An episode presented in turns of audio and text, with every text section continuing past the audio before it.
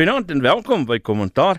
My gaste in die ateljee vanaand is uh, Connie Mulder, hy's van Solidariteit se Navorsingsinstituut, Barnard Beekman, redakteur van Beeld, en dan sou ons vir Dawie Skols hier gehad het. Hy is 'n bestuurskonsultant en 'n uh, 'n towenaar met syfers en ons is verskriklik spyt dat hy ver oggend skielik moes onttrek weens werkverpligtinge. Dr Piet Kroukamp aan Noordwes Universiteit kon daarom eh, vir hom kom instaan en uh, ek groet dan vir julle Piet, Connie en Barnard. Baie dankie dat julle hier is. Dankie sak. Kom ons begin uh dit is nou 'n saak wat al 2 weke kom uh die, dit gaan oor plaasaanvalle en Afriforum en daar was al baie gesprekke gevoer, daar's baie geskryf in die koerante en ek wil vra dat ons dalk vanaand afstap van die saak oor Afriforum reg of verkeerd is en of hulle goed of sleg is want dit kan dit het ook 'n verlede week in 'n soms onverkoeklike gesprek in op sommige mediums uitgeloop. Maar die saak waaroor dit gaan dink ek is een wat vir elke Suid-Afrikaner belangrik is.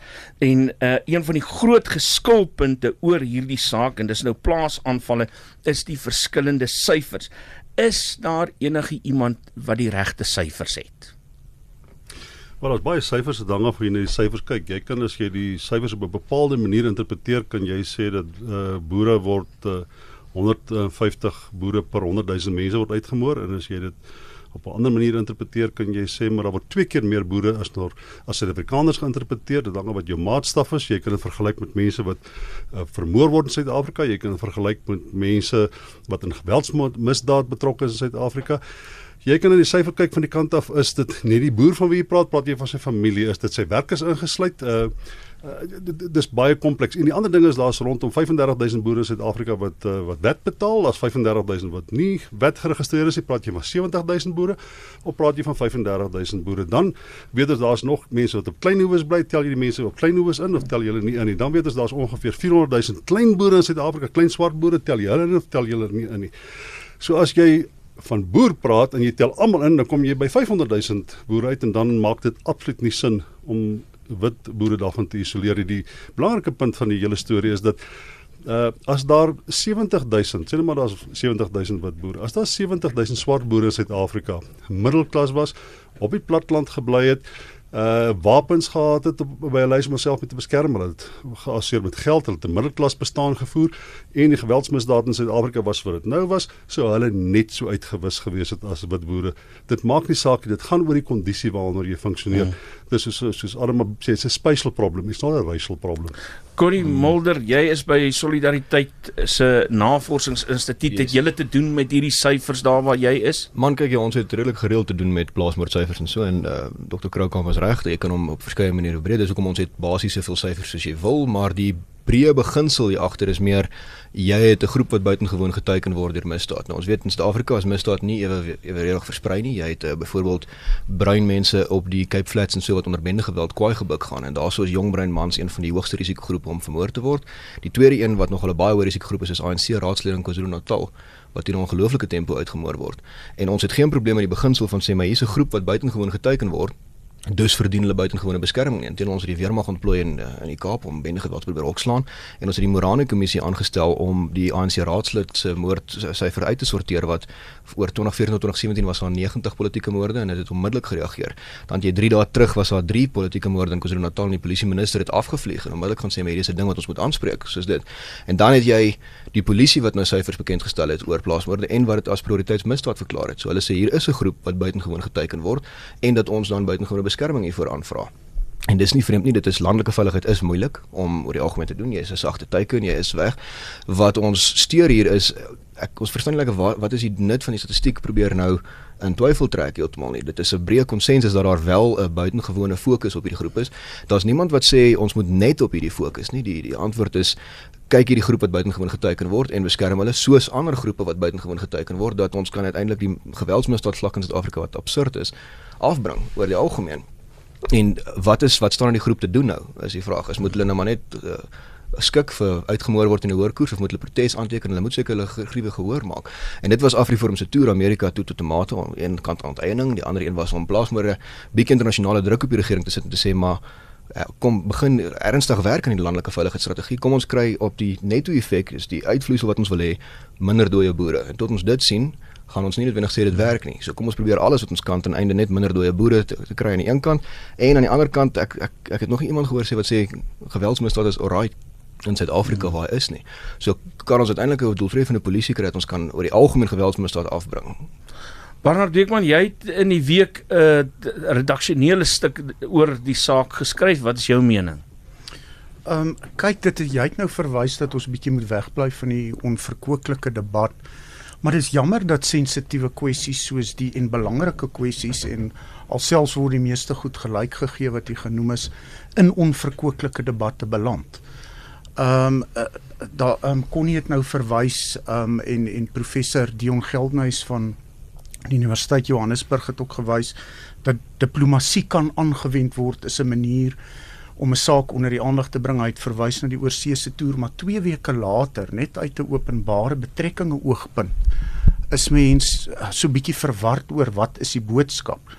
Aan die een kant gaan dit oor statistiek, dan gaan dit van plaasmoorde, die volgende oomblik gaan dit oor grondhervorming, dan aard dit in 'n bekleierery oor hoeveel mense moes doodgemaak gewees het om apartheid uh, misdaad teen die mensdom te verklaar.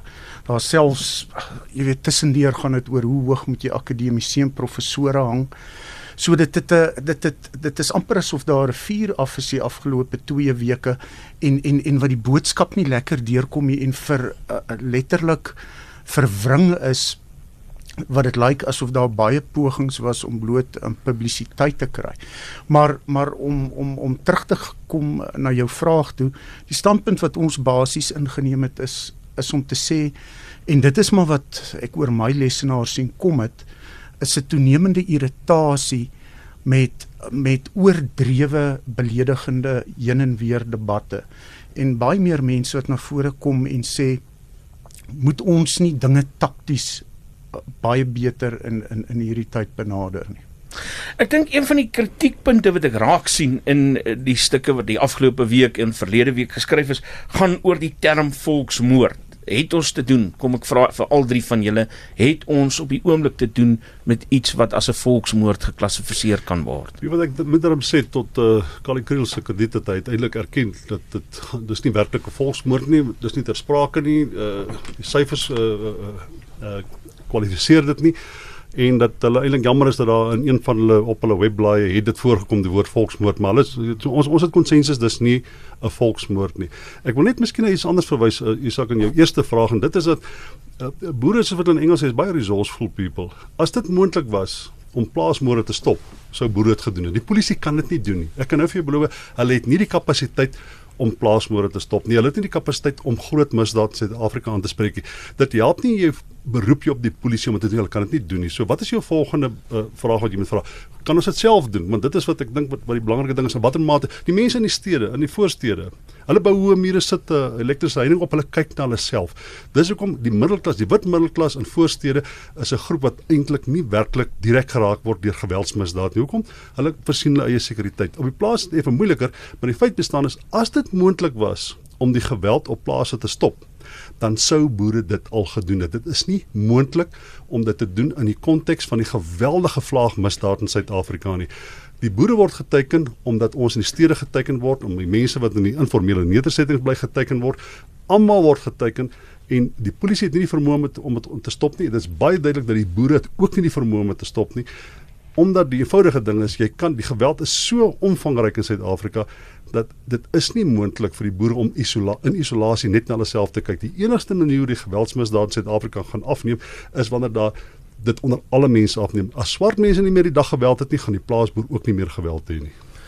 Ek um, ja, so daar's een inskrywing gewees, is 'n ander petisie in 2013 wat gesê het stop wit volksmoord, maar tot dusver is Afriforum se posisie deurentyd gewees dat dit nie 'n georganiseerde volksmoord is eersins nie. Ons sal as by solidariteit is ons ons is bekommerd oor die vlak van retoriek wat ons die laaste ruk sien. Dit raak regtig verneig en rassisties as jy besonder as jy 27 Februarie grondonteeningsdebat gaan kyk, dan is dit nogal steurende retoriek wat teen 'n spesifieke minderheid gemik deurentyd wat hulle probeer kriminaliseer. Dan het jy Julius Malema by Menseregte Dag in sy toespraak wat sê these are the children of my Malan, Verwoerd en Botha, they were murderers and their children were murderers as well.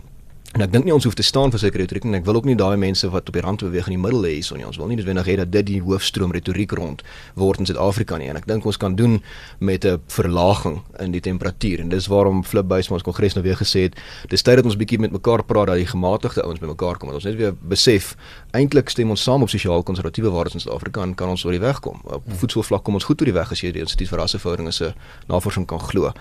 Wat wel waar is is ons het ek is bly dat Dr. Kroukamp uh, aanvoers by ons is rondom dat jy gaan jouself moet beveilig in Suid-Afrika. Ons polisie is nie noodwendig meer in staat daartoe nie. En boere is besig en is een van Afriforum se groot projekte is besig om te probeer plaasveiligheid beter maak. Daar's ons reaksieeenhede, as radio roep uh, netwerke wat tog 'n merkbare effek het. Maar ons moet nog meer hiervan doen en ongelukkig is jy op jouself aangewese en jy gaan moet hierdie planne maak. In terme van of dit algemene geweldsmisdaad is, daar is iets uitsonderliks wel aan plaasmoorde in terme van die brutaliteit wat jy sien. Dan het jy as jy in 18 18 tot 19% van die ouens word doodgemartel as jy 1374 vat.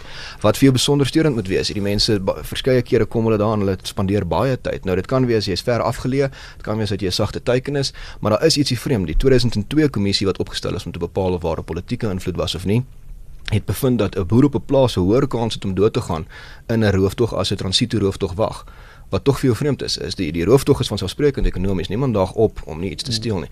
Maar die feit dat so baie ons doodgaan in die rooftogte is iets wat ons steur. Is daar een of ander breë politieke sameswering hiervoor? Ek dink nie so nie. Ek kan nie sien dat dit so georganiseer is. Ons het die enigste rede oor hoekom ons dink dat plaasmoorde meer gewelddadig is as die res van Suid-Afrika se moorde is omdat ons niks weet van wat van die res van Suid-Afrika se moorde, want ons is wit.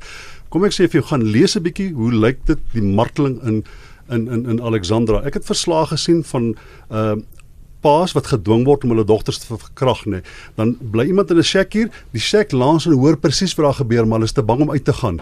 Daar binne word daai mense verkrag en vir ure aangehou en gemartel. Dit gaan oor die hele Suid-Afrika. So boere word nie meer as geen bewys dat boere meer gemartel word as wat misdaad andersins doen in Suid-Afrika. Ek gaan kyk 'n bietjie hoe lyk dit in Crossroads. Kailicia is een van die hoog is die hap van geweldsmisdaad omtrent in Suid-Afrika. Kyk 'n bietjie hoe gewelddadig is die moorde goed daar. Ek het vandag 'n stuk gelees in die Sunday Times dink ek wat daarna verwys uh, na die na Menenberg op die Kaapse vlakte ja. waar hulle sê uh, waar hulle praat van 'n volksmoord, 'n genocide. 1066 ja. mense dink ek sedert 2010 en 2016. Hoe dit ook al sê, ek dink Connie het daarna verwys en gesê maar dit is eh, in alle opsigte uh, word misdaad as erg beskou. Een van die ander sake waaroor Afriforum in die nuus was, was grondonteiening sonder vergoeding en die het uh, nou ook aan die bod gekom by die ANC se grondberaad. Uh, Daar's verskillende groepe wat die laaste tyd uh, berade hou. Die ANC nou die jongste. Wat is belangrik uit hierdie grondberaad uh Barnard Beekman. Net om terug te tree van van spesifiek die grondberaad af wat interessant is, die grondkwessie binne die ANC is hoogs verdelend. Uh, dit is die enigste werkswinkel waar daar omtrent vuis geslaan is by die Nasrek konferensie. So so daar's nie kons, daar is nie verdeeldheid oor dat daar wel herverspreiding van grond moet vinniger plaasvind nie, maar oor hoe dit moet plaasvind is daar verdeeldheid. So dit is 'n interessante moment dink ek vir grondbesitters oor hoe beïnvloed mens dan die proses takties om op 'n sinvolle manier vorentoe te gaan. En daar het al hoe meer stemme begin opkom uit ANC geleedere wat sê maar is dit werklik nodig om die grondwet te verander? Ehm um, moet daar nie vereistes wees soos hoe word nie, nuwe grondeienaars dan gehelp om 'n sukses te maak van hulle grondeienaarskap nie. En dan natuurlik die teewigte wat Ramaphosa self noem by tye om te sê maar dit moet bydra tot ekonomiese groei, enige grondherverspreiding en voedselsekerheid. So ehm um, dit is dis net 'n kant aantekening en dit is vir my baie keer asof uh, mense nie die uh, die gaping reg sien oor hoe mens ehm um, moet gaan beïnvloed nie met jou optrede daaraan met watter kant of watter faksie in die ja. ANC versterk jy met hoe jy reageer op die debat.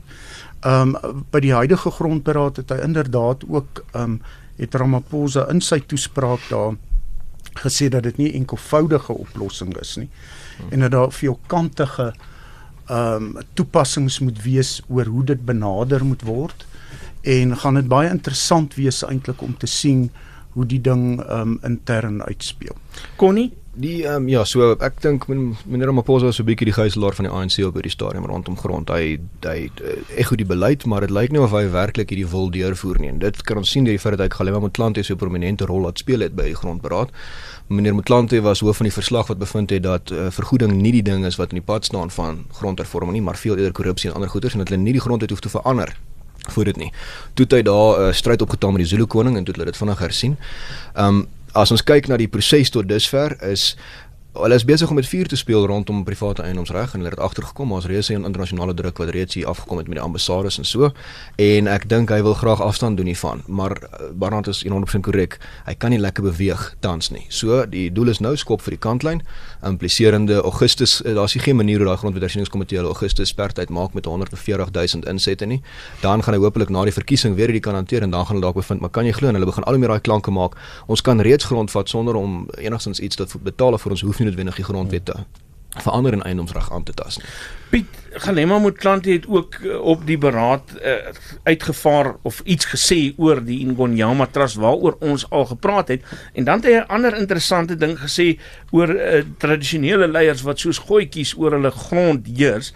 Uh, ek weet ons het al daaroor gepraat, maar verduidelik vir ons net weer wat is die essensie van hierdie trust en die grond wat daarin gemeld word. Wel die, ek ek dink as ek dit reg verstaan ongeveer 3 dae voor die uh in die in die, in die 1990s 94 voordat die uh ANC nasionale party tot vergelyk gekom het, het hulle onder andere ooreengekom dat as die IFP deelneem aan die verkiesing sal die grond die Konyama Trust of die groot deel van KwaZulu-Natal, ek dink 48% van die grond sal onder die koning resorteer. Met ander woorde, die ou homeland system, die tuislandstelsel word eintlik bevestig daardeur. Dis 'n eienaardige ding dat die ANC vir 20 24 jaar toegelaat het dat KwaZulu-Natal soos 'n homeland, soos 'n ou tuisland voortbestaan. Nou wat in hierdie tuislande gebeur is eintlik soos wat Montland regte heeltemal reg te sê is autoritaire stelsels waar mense gebelas word. Hulle word baie keer met 1000 rand per jaar betaal om hulle grond te bou. Hulle het geen verblyfreg noodwendig op daai grond nie. Die hoofmanne begin dit beheer en begin dit noem dit maar 'n vorm van politieke verhandeling wat plaasvind daar. So jy het onsekerheid oor die oor, oor jou verblyfreg op daai grond. Die werklike menseregte skending van grond gebeur eintlik in die tuislande van Suid-Afrika. Maar die belangrike ding is en dit is hoekom ek dink Afriforum die pot so ver mis het en ek dink my kollega hier langs my ook.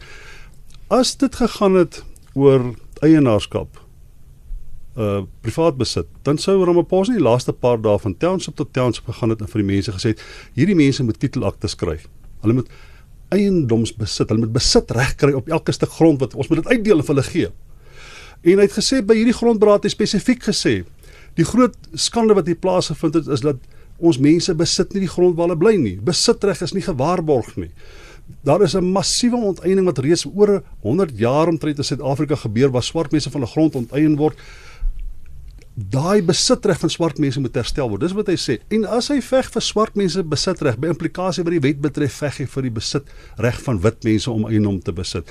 Daar is geen vrese dat privaat besit ondermyn geword nie. Ek sien dit nie binne die ANC nie. My waarheid is hy hulle onderskei hulle self baie duidelik van die EFF. Die laaste 2 dae van hierdie konferensie het die punt baie duidelik gemaak. Die EFF gaan vir die nasionalisering van grond. Die ANC sê ons moet die besit van grond, die reg van grond, die titelakte moet ons herstel. Dis 'n belangrike punt. Dit is nie, uh, sit julle die pot mis? Ehm um, man, wanneer ons luister na wat as ons glo wat hulle sê wat hulle wanneer hulle goed skryf, nê. Nee? So as hulle skryf dat hulle grond wil nasionaliseer en die EFF op die trappe van die parlement sê en sê ons wil graag met die mosie hê dat jou huis aan jou geallokeer moet word, dan is ons geneig om te glo dis wat hulle bedoel. Wat ja, verblydend is wel die EFF en die ANC mekaar. Die EFF se mosie is uh, die een wat gevoer is. Kan ek net gou hier klaar maak. Wat verblydend is wel en daar stem ek saam, is dat meneer Maposa wel begin titelaktes uitdeel het en dat hy nou gesê het hy gaan elke Vrydag 'n titelakte uitdeel ding doen en Gauteng begin so grondhervorming benader het want op die ou end wat ons nodig het is daai verskansing van privaat eiendomsreg met 'n middelklas wat dit is. Die mosie self wat deurgegaan het wel het nie noodwendige verskansing vir privaat eiendomsreg in nie. Die mosie sê ons wil graag kan onteien sonder vergoeding met twee klein klausuletjies by wat sê finansiële stabiliteit en voedselsekerheid. Daar is min in wat sê ons wil besitreg meer uitbrei. Wat mosie het jy gelees? Die mosie deur die parlement. Nee, die mo daai mosie het die grondwet Die mosie het gesê die komitee moet gaan ondersoek yes. of daar of of dit sin maak om onteiening sonder vergoeding. Hy het nie hy het nie spesifiek gesê dat privaat besit moet afgetake word of enigiets nie. En wie wat die fout wat jy maak? Sorry, ek wil nie die program oor nie, maar wie wat die fout wat jy maak? As 'n ou swart is, dan dink jy hulle sê almal dieselfde ding. Die EFF en die ANC sê duidelik twee baie verskillende goed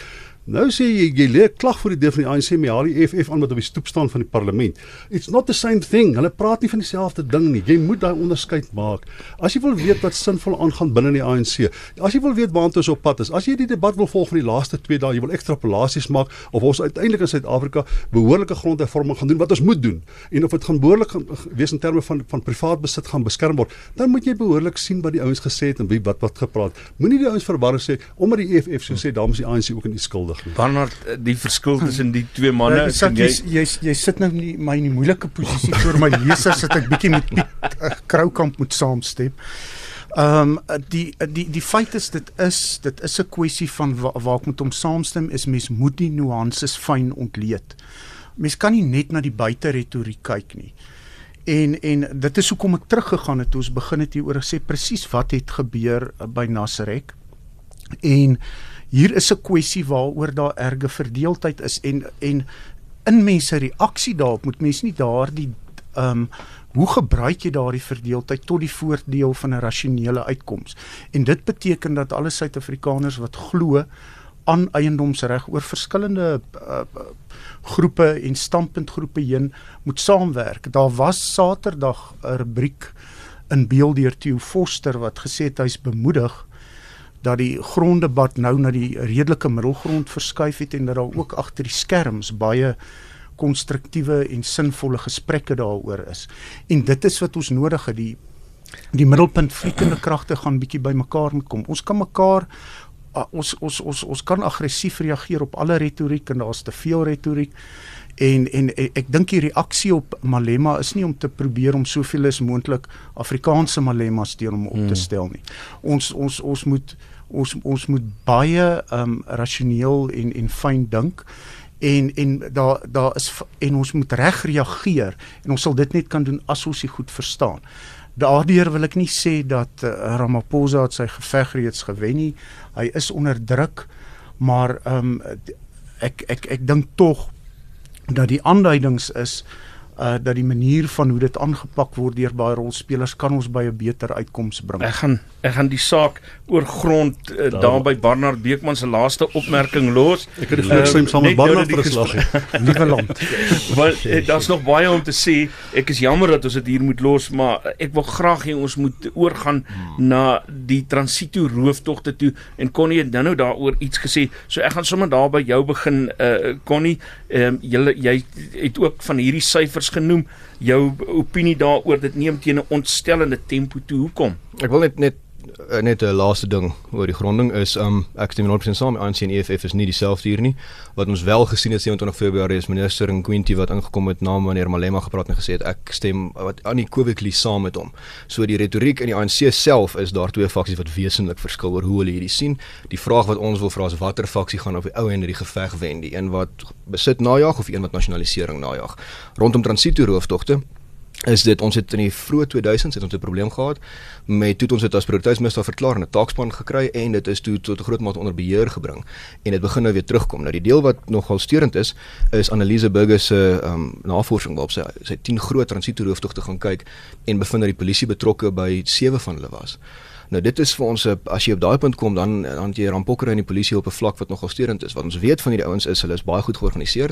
Hulle weet wat dit is en hulle tref die trokkies presies op die regte tye en hulle is nogal roekeloos wanneer dit kom by bystanders daar rondom. Hulle gee nie regtig om nie.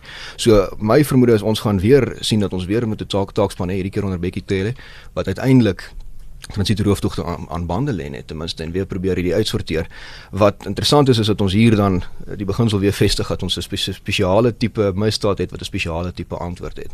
En dit is tog iets wat ons derentyd weet in Suid-Afrika. Ons kry soms hierdie uitskieters. Ek verstaan uit Annelise se boek uit dat een van die redes eh, waarom die trokke geteken word is omdat dit glo eh, 'n uh, maklike bron van geld is.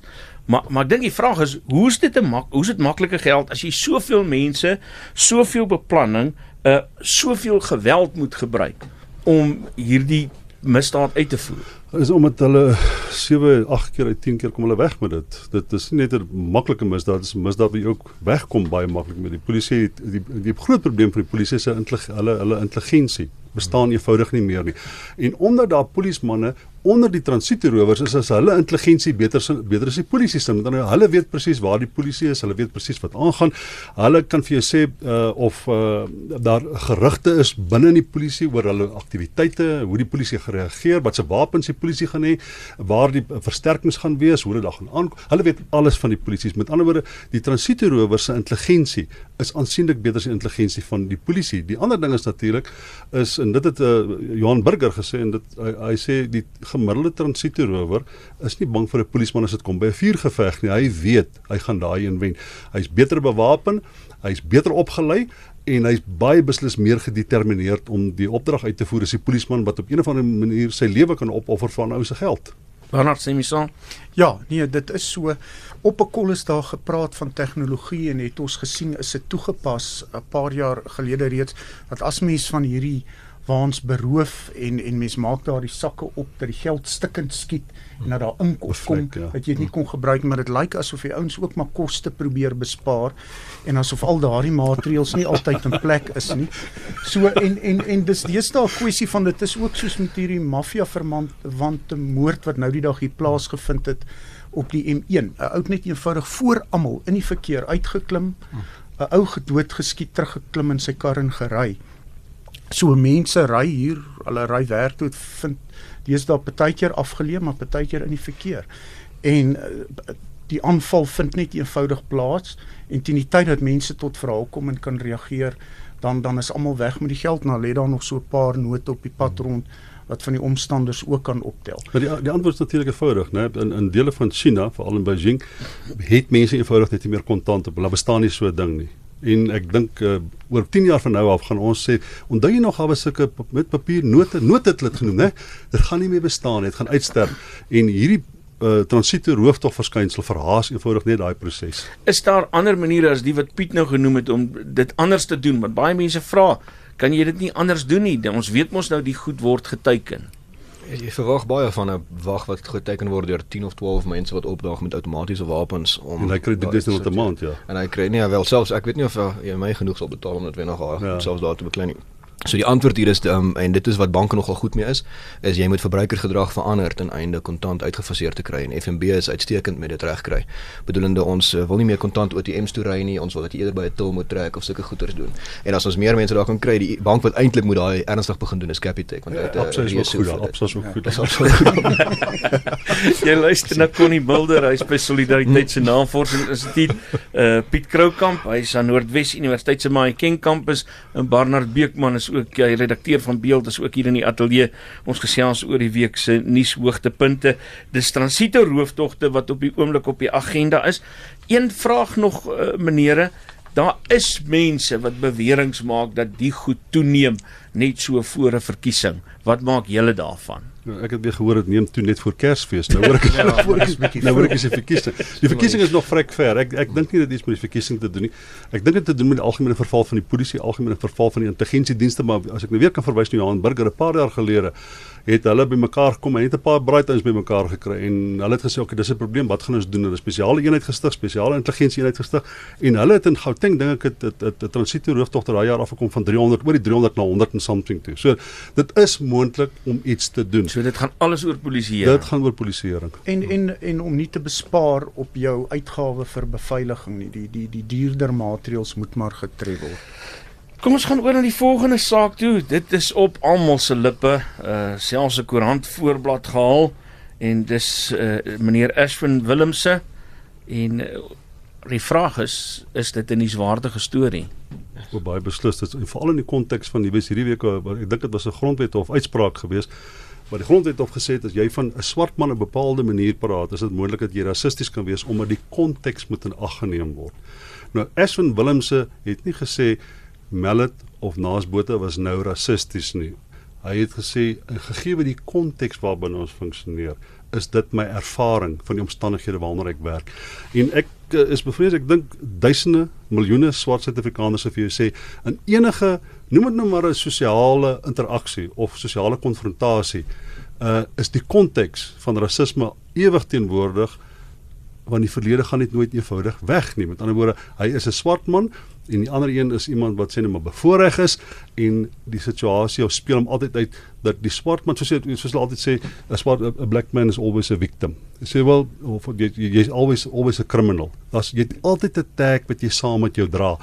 En ek vermoed die konteks is die deel van die ding wat wat vir Ashwin Willemse geplaas het. Stem jy saam Connie? Um man ek ek eh, ons weet nie regtig wat gebeur het hier nie. Ons het nie 'n idee nie. Wat my steur is supersport ons weet regtig nie. Ashwin het gesê eh, dit is klaarlik iets van die lug af, maar daar's nog geen feite uit nie, maar almal het klaar mening daaroor.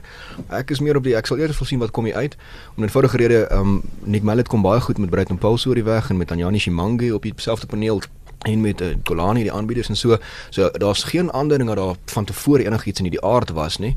Hy en Ashwin uh, duidelik het dan 'n erns stry opgetel deur die loop van die ding, maar ek sal versigtig wees. Kom ons kyk eers wat het werklik hmm. gebeur voordat ons hier uitkom en wat my meer steur aan die hele situasie is dat voordat ons regtig weet wat werklik gebeur het, het ons minister van sport reeds bepaal wat gebeur het. Hmm.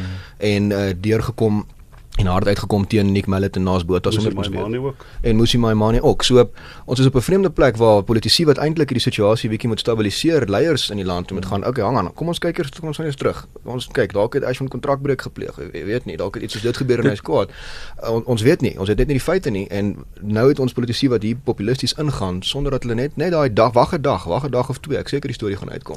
Ek wil nog om nou in te gaan. Mense sou dit redelikerwys kon verwag hmm. en ek dink dalk is dit goed so dat ons dan nou eerder nie bespiegel oor die beginsels of die feite van die storie nie terwyl ons dit nie het nie.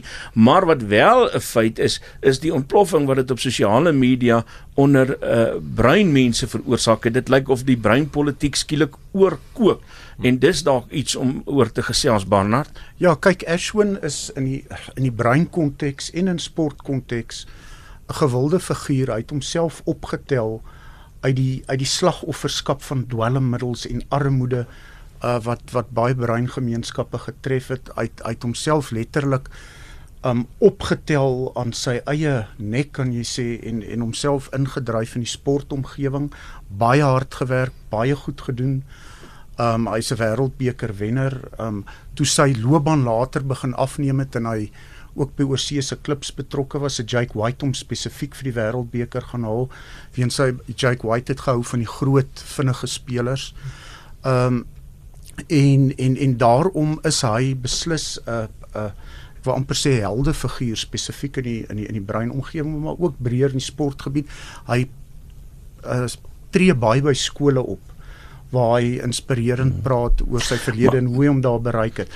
Maar wat dit was nie 'n lekker insident om na te kyk nie. Ek het dit nie direk gesien nie. Net voor dit is dit ek oorgeskakel na die nuus maar toe kort daarna gaan kyk na die insident.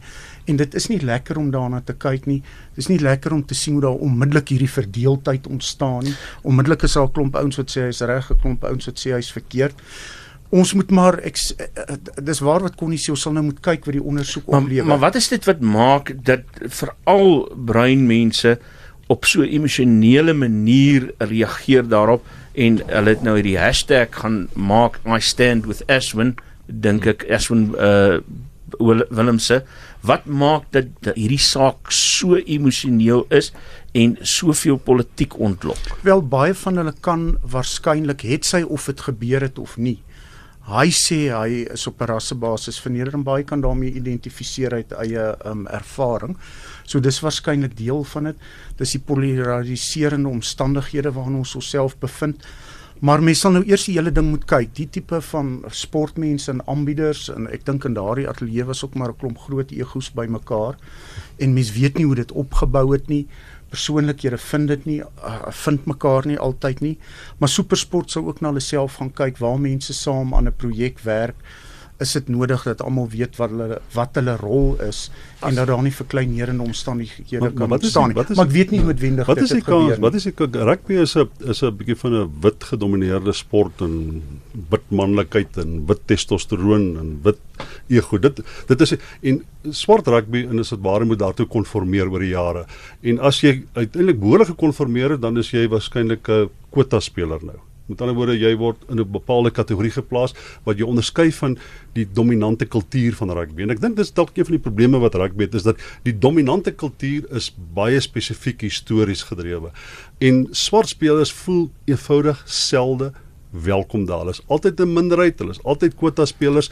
Hulle word altyd net verduur. Hulle moet altyd 'n bietjie meer doen om hulself te bewys. Dit is die persepsie wat daar bestaan in baie keer is dit 'n geldige persepsie. En ek dink in daai konteks as jy in daai ateljee was, Nick Mellet en Naas Botha wat seker hulle het meer estrogen, sorry, meer testosteron as ons almal saam hier, een elkeen individueel van hulle. Die feit bestaan is hierdie wit dominante teenwoordigheid wat met 'n bepaalde historiese konteks. Dit moet 'n moeilike werksatmosfeer wees vir hom en dit sal waarskynlik vir enige swart persoon 'n baie moeilike werksatmosfeer wees. Ja, ek ek, eh, ek sou versigtig wees vir te veel inlees in Suid-Afrika se Twitter oor alle rasgrense heen is permanent in 'n toestand van woede. So met ander woorde, ons sien dit op die kleinste insidente wat Twitter en woede wêreldwyd so. Ek kom ons kyk hoe hy uitspeel maar Twitter is permanent kwaad en hulle hulle is kwaad vir basies alles. As ons as ons geweet het Erswoon gaan uit die ateljee stap dan ons weer vir Bettina Weingart gevra om vanaand hier te wees, maar nou is sy ongelukkig nie. Kom met sy uitgestap. Kon nie kon nie maar maar, maar jy is by solidariteit en jy hou julle besig met eh, die regte van minderhede en breinidentiteit is een van die gesprekke wat op die oomblik aan die gang is en wat ek dink ek raak lees in sommige van die gesprekke op Facebook sedert die gebeurtenis is. Het jy enige idee hoe hierdie hoe dit werk aan watter identiteit probeer hulle vasklou en vorm? Ja, ek gaan nie namens breinmense enigstens probeer uh, praat in daai rigting nie. Wat ons wel sien in Suid-Afrika in 'n breë is ons sien uh, amper 'n federering wat aan die gang is. Frans Cronje beskryf dit as die verbrokkeling in sy boek Suid-Afrika 2030. Wat is mense wat op alle vlakke neerkom en veral in die Wes-Kaap het jy 'n ontluikende uh, breinidentiteit soeke wat aan die gang is met Willa Boesak wat nogal kwai goeie werk daar doen, regtig in daai rigting.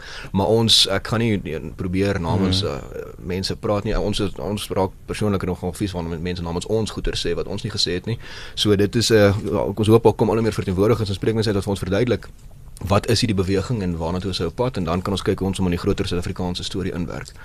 Isak net nog een punt. Ek dink Piet was reg in sy beskrywing van rugby, maar ek dink miskien 'n paar jaar terug, ek dink daar sal baie vordering gemaak. Daar kan oomblikke wees as baie swart spelers, baie bruin spelers wat nie meer kwota spelers is nie, wat op Merite is, gaan nou maar na enige skoolgrond toe waar die ouetjies hulle spanne begin saamstel voor Rassie sy aankondiging maak en dit is nie meer net wit span nee, nie. Nee, jy is 100% reg, maar wie Brian Banda het op 'n stadium gesê en toe wat hy ek dink hy het al amper 50 60 toetse gespeel. Toe het hy nog 'n opmerking daaroor gemaak dat watter stop die feit dat ek 'n kwota speler is. Ek bedoel waar is die waar is die skeidslyn? Wanneer is ek nie meer 'n kwota speler nie? Hmm. En dit dit en die die rede hoekom daar onsekerheid daaroor is is oor daai gemarginaliseerde gevoel wat swart en bruin rugby spelers in die dominante kultuur van rugby dit is hulle hulle en ek dink om om terug te probeer kom ter by jou vraag oor hoe dit brein mense raak. En jy weet in die ou dae ek onthou toe ek op universiteit was was daar altyd brein raak bespanne maar daar was baie min swart raak bespanne wat gespeel het in die ligas. Met al die brein mense wat op 'n manier betrek gewees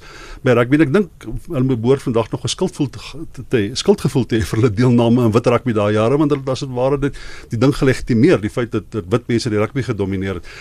En vandag nog is brein mense in 'n sekere sin is weer op the margins want dis eintlik die regering sê nie ons moet dan met swart cricketspelers wees, dan met swart rugby spelers wees.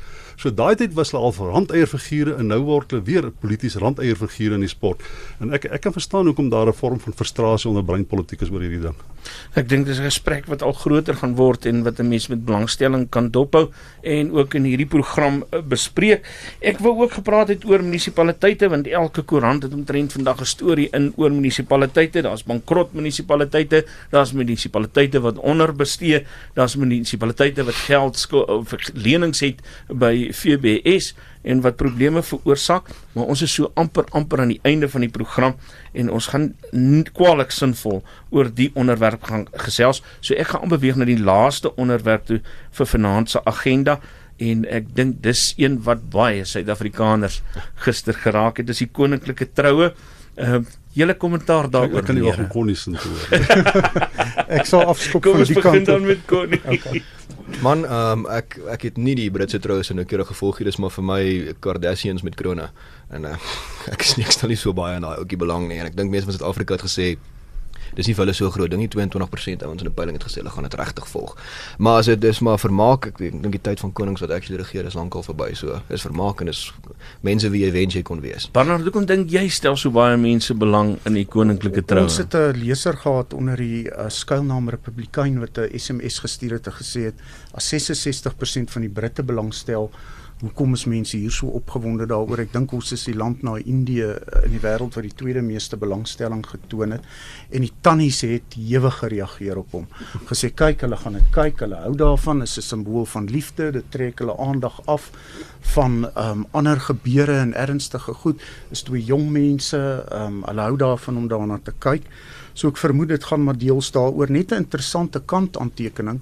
Ek weet self nie hoe dit werk nie. Ek lees vandag 'n rapport dat op die bruid se sleep die die gedeelte lang gedeelte wat sy agter haar rok aangetree het was 53 blomme geborduur wat elke statebondsland verteenwoordig het. So die Protea was ook daarop. So teen wil en dank was ons op 'n manier tog betrokke. En daarom het ons die belangstelling geskil. Sakkie vir my was uh die die mooiste deel en ek wens iemand wil dit eendag vir my sê. Toe uh, sy voorkom, toe sê hy vir You're amazing. I'm so lucky. dis baie dis baie mooi ja. Daar was ook 'n storie, ek sit nog so 3 minute oor van die stoel wat leeg was voor die koningin. En baie mense het aangeneem dit is vir Diana wat die stoel oopgelos is, maar koninklike kenners sê dis blykbaar nie so nie. Dit word altyd oopgelos sodat die koningin beter kan sien. Ja, nou kyk ek as ek dit reg verstaan was daar eintlik baie uh, pogings gewees in rituele om die ding nie tradisioneel te maak om bietjie die Amerikaanse kultuur te vervleg met die Britse kultuur.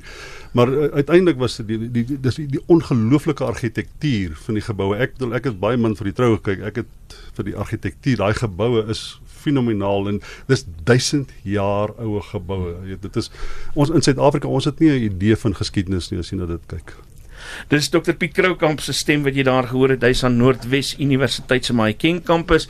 Hy het op die nippertjie het hy by ons kom aansluit nadat Dawie Skols dit nie meer kon maak nie. Hy moes in Deraas vir werkverpligtinge vlieg. Dan langsom sit Connie Mulder, hy's van Solidariteit se Navorsingsinstituut en langsom is Barnard Beekman, redakteur van Beeld. Meneere, baie baie dankie dat julle vanaand julle tyd met ons kon deel het, julle insigte, julle kennis. Ek dink ons het 'n lekker program gehad. My naam is Isak Du Plessis. Ek groet vir jou tot volgende week, selfde tyd, selfde plekjie met 'n baie baie lekker week hê.